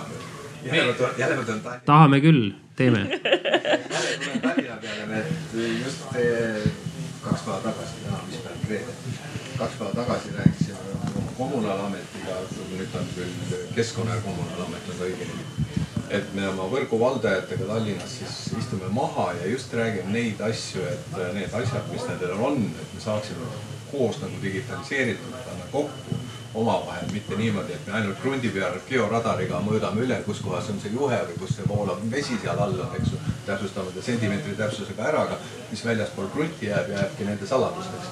et me püüame nendega nagu, nagu koostööd teha, et me saaksime ühtselt selle teha seda küll, et kui on EHR-is on hoone see energiamärgis, see võiks olla seal Tallinna kaardi peal, et minu maja on A ja naabermaja on X. see, see paneks naabermaja mõtlema. Ja see ei ole salajane info, ma saan seda EHR-ist välja imeda. aga Tallinna linnale muidugi on see, et ma vaatasin ükskord Tallinna linna hanget, munitsipaalmajade ja siis hankedokumendid olid ühe numbriga, EHR oli teise numbriga. ma küsin, kas EHR on õiged öeldi, et see EHR on vale, sa pead võtma hankesse seda, mis meie kirjutasime paberi peal. jälle, mida uskuda digitaalselt. praeguses äh, protsessis ma tunnistan, on lünki, on vigu, aga me üritame neid parandada ja me, me pingutame selle nimel, aga meil on siin panelistid, äh, kellel on õnneks mikrofonid, äh, saavad vabalt sõna nüüd. alustame Kaidost ja läheme edasi. ma jah, et ma nüüd päris lihtsalt vahele ei raiu, ma üritan nagu käega märku anda, aga, aga ütleme selle digitaalse kaksiku eesti keeles ilusti öeldes siis dešifreerimiseks, mis on kole sõna, eks ole, ehk lahti mõtestamiseks ma nagu mõtlesin välja sihukese selgituse, et see ei ole 3D-st ei alustata, eks ole. see on nii-öelda esimene samm, samme on mitu. aga noh, ma mõtlesin siis näiteks nagu inimkaksikut, et üks on reaalne kaksik, eks ole, teine on kõrval näiteks hologramm ja kõike, mida teeb see füüsiline kaksik ees, see hologramm teeb järgi noh, ma ei tea, poolesekundise või millisekundise viivitusega. et ütleme noh, ma ei tea, pulss lööb ja mis iganes, eks ole, selle hologrammi sees ka. et tegelikult kogu see infomaht, mis tekib, kasvõi see, et näiteks nüüd pandi paneel paika, eks ole, see jõuab plaks ka kaksikusse, noh, kui ma mõtlen nii-öelda ehituse poole peale. ja noh, see ei ole ainult siis nagu see 3D aga see on siis äh, esimene samm, mis on siis äh, visuaalt kõige parem nähtav, kuhu siis kleebitakse tasapisi kõike seda muud informatsiooni külge, mis sinna vaja külge panna on. ja alati tuleb vahet teha sellel, et palju selle informatsiooni tekitamine maksab ja mis on tema väärtus. et äh, lihtsalt nagu üle uputada pole mõtet, et see tõesti tuleb paljuski nagu noh, reaalsetest huvigruppide vajadustest, et kui midagi tehakse, et see, kui keegi midagi teeb, see siis tähendab seda, et keegi peab kuskil midagi maksma, et see on nagu suur sihuke suur teema, millest tuleb aru saada äh, ma toon ühe näite andmete koha pealt äh, just selle, kui siin on kogu aeg öeldud, et ei taha keegi koguda, ei taha kuskile panna, siis ma toon ühe vastupidise näite. maa-amet ilmselt teab seda väga hästi, see on ehitusgeoloogia teema.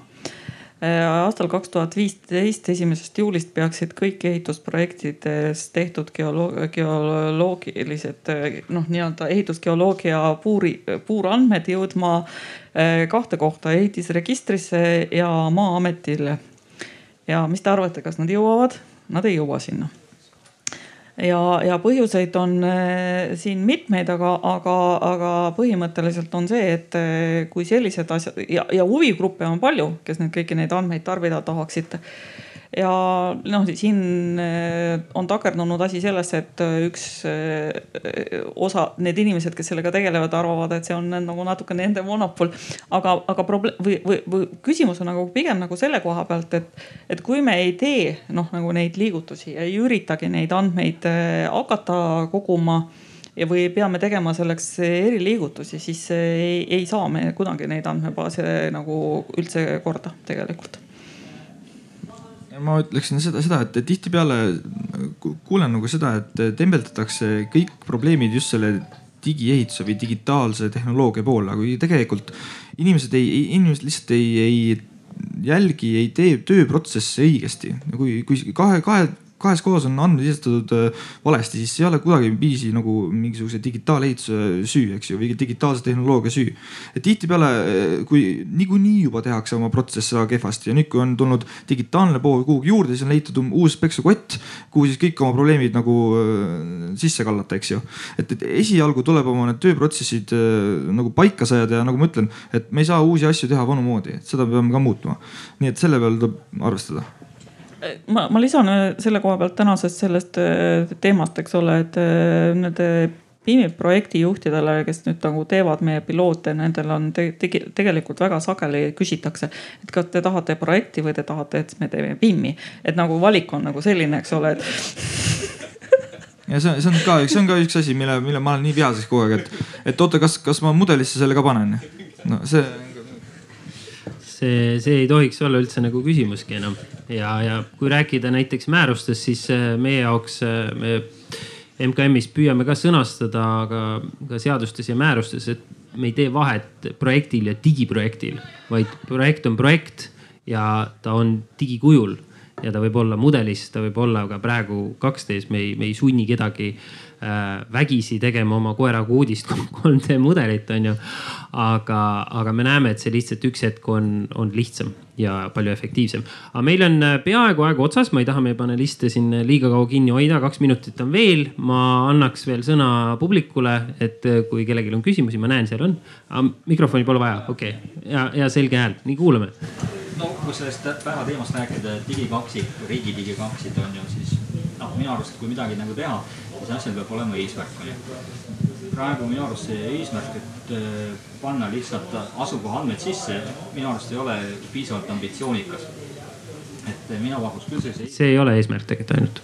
mis see veel? Äh, e-ehituse platvormi eesmärk on, äh, on meil ära sõnastatud e-ehituse teema veebis kui ma selle nüüd peast kohe välja manan, siis äh, mõte on teha äh, kogu ehitatud keskkonna informatsioon kõigile osapooltele kättesaadavaks ja seal on vahel veel sõnad standardiseeritud informatsioon ja, ja eesmärk on just taaskasutada olemasolevaid andmeid.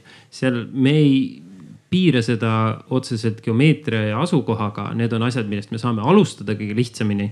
ehk siis võtame nii-öelda madalalt rippuvad fruktid ära äh, vältides ingliskeelseid äh, termineid, siis ma tean, ma püüdsin, ma püüdsin, aga, aga. ambitsioonikam eesmärgid, et proovige, proovige teha selline digikaksik, mis, millega saaks arvutada näiteks ähm, asustusstruktuuri muudatuste majanduslikku mõttekust mm. -hmm see läheb juba regionaalpoliitikasse, ma saan aru. aga aga selleks ei ole vaja algandmeid enne? aga alustame, alustame nagu sellest, et korjame need andmed enne kokku ja siis võime edasi, on meil need suurandmed või ma nüüd ka kasutan eestikeelseid sõnu, eks ole. selles mõttes, et ja siis ja sealt on juba võimalik igasuguseid asju mõelda. meil on praegu probleem, et meil ei ole kvaliteetseid algandmeid kõikide ehitatud selle keskkonna kohta. ja aga vaata, siis kui on see eesmärk olemas, siis on selge ka, missugused andmed vaja üldse on ja siis hakatakse neid jõuliselt koguma ja, ja kui meil need, ütleme, need konkreetsed andmed olemas on, siis noh, võib-olla ma ennem ütlesin valesti, et meil sellest kinnisvara haldusosast ei ole või noh, kui meil oleks kõik 3D-s olemas, siis ehituses vaja ei ole, siis tegelikult me saame me ju rekonstrueerime samuti hulga hooneid, siis on meil täpselt info olemas, kus, mis asub, kuidas ta projekteeritud on, mis ta info sisu on ja samuti ka ütleme, kui me tahame oma hooneid välisvõrkudega siduda, siis täpselt, et info, kus kohas kui sügaval see? ei, ma räägin ikka sellisest asjast, et näete, et selle, see, see linn nagu hääbub ära, et ehitame selle elanikkonna jaoks selle linna hoopis teise kohta onju. ja, ja, ja siis sa arvutad, et on ju palju sul luhtunud vara tekib ühes kohas onju ja, ja kui, kui palju sa kasutad olemasolevaid igasuguseid rajatisi ära ja nad toodavad ühiskonnale mingisugust väärtust see, see läheb äh,, ma olen sinuga nõus ja me näeme, et see on kindlasti üks äh, võimalikke teenuseid aga kui me läheme aga see õun on väga kõrgel, eks ole. see, see õun on kõrgel ja ma ütleks, et see on ümbritsetud ka väga sihukesest poliitilisest äh, aurast. et äh, sihukeseid regionaalpoliitilisi otsuseid äh, minu kogemusel ei tehta küll ratsionaalsetel kaalutlustel ainult. et siin pigem läheb võiks ja, ja me tahame teha, et see oleks nii-öelda andmepõhine, et meil oleks need andmed, esiteks, et oleks olemas kvaliteetsed andmed ja läbi sellesama digikaksiku projekti me saame hakata nii-öelda teravamalt ja, ja paremini välja tuua, kus meil need andmed puudu on ja mis on need võimalikud potentsiaalsed kasud. ja noh, minu jaoks, eh, miks me seda digikaksiku projekti teeme nii-öelda, kui vaadata veel kaugemasse tulevikku, ma olen suutnud edukalt vältida teatud sõnu siiani, aga ikkagi ma ei, ma, ma ei pääse üle ega ümber eh, nii-öelda masinõppe ja tehisintellekti potentsiaalist aga selleks, et me saaks üldse rakendada seda, me peame nii-öelda masinale selgeks tegema, milline on meie keskkond. ja, ja tuues need andmed kokku, luues sihukese võimalikult tervikliku pildi, standardiseeri-, standardiseerides seda infot. me saame lihtsustada ja kiirendada seda protsessi, et me saaksime ka nendele masinatele anda nii-öelda keerulisemaid ülesandeid lahendada. ja nii nagu sa välja tõidki, just nimelt ka, ka, mis muidugi kõlab natuke sihukese düstoopilise tulevikuna, et masin ütleb meile, kus me elama peaks. aga, aga sisuliselt sa seda, seda nagu välja tõid, et see oleks kõige ratsionaalsem, aga noh, vastus võib olla natuke ebameeldiv meile, mis see masin välja mõtleb vot, aga kas on panelistidel veel üks, üks, üks, üks, üks mõte on selle koha pealt, et mis see kolm kaksik, 3D kaksik või on, kui on andmed visualiseeritud, mitte tabelis, siis paistavad need eh, ebakõlad kõige paremini välja ja see on kohe näha, et kui see mõõdud on ikka valed, siis on, on, on, on see silmaga nähtav. see, see on visualiseeritud eh, kujul andmete esitamine tegelikult. on soovib keegi panelistidest veel lisada? seesama kaksiku lugu, et äh, noh, kes on nagu sisse vaadanud, teab, et kui sa mingi klotsi seal nagu ära märgid, eks ole, siis seal on terve virn igasuguseid andmeid taga, nii et, et see ainult, ainult geomeetriast on väga kaugel, et seal on palju enamat okei okay,, aga võib-olla ma toon ühe selle näite, mis mul meil meelde tuli seoses sellega, et Helsingi linn, kus, kes on arendanud juba viis-seitse aastat oma, oma 3D mudelit või kaksikut siis nad äh, tegid ühe visualisatsiooni, kus nad võtsid äh, keskmise ruutmeetri hinna ja nad visualiseerisid selle Helsingi kaardi peal 3D-s ja, ja tegid selle kättesaadavaks. aga nad võtsid üsna ruttu selle maha, sellepärast nad ütlesid, et, ähm, et äh, kinnisvaramaaklerid said väga pahaseks ja neil tekkis hirm, et see hakkab mõjutama linna arenguid mitte soodsas suunas, sest inimestele saab lõpuks aru, kus on soodne kinnisvara ja kus ei ole ja võib-olla hakkad mõtlema, mis põhjustel.